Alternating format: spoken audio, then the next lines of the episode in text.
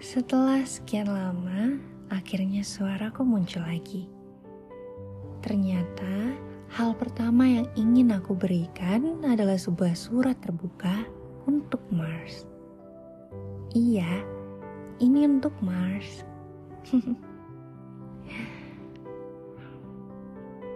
Mars, hari-hari pasti enggak selalu terasa tenang. Iya, benar.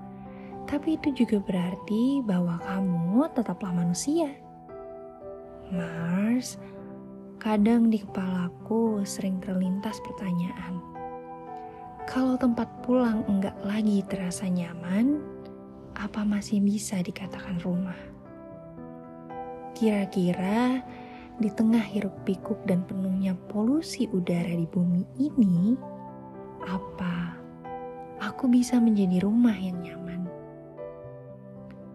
Mars, aku mungkin tidak sekokoh gedung-gedung pencakar langit.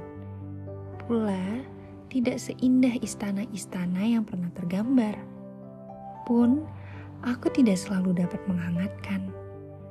Tapi, apa aku bisa menjadi tempat pulang sejauh apa pun kakimu melangkah.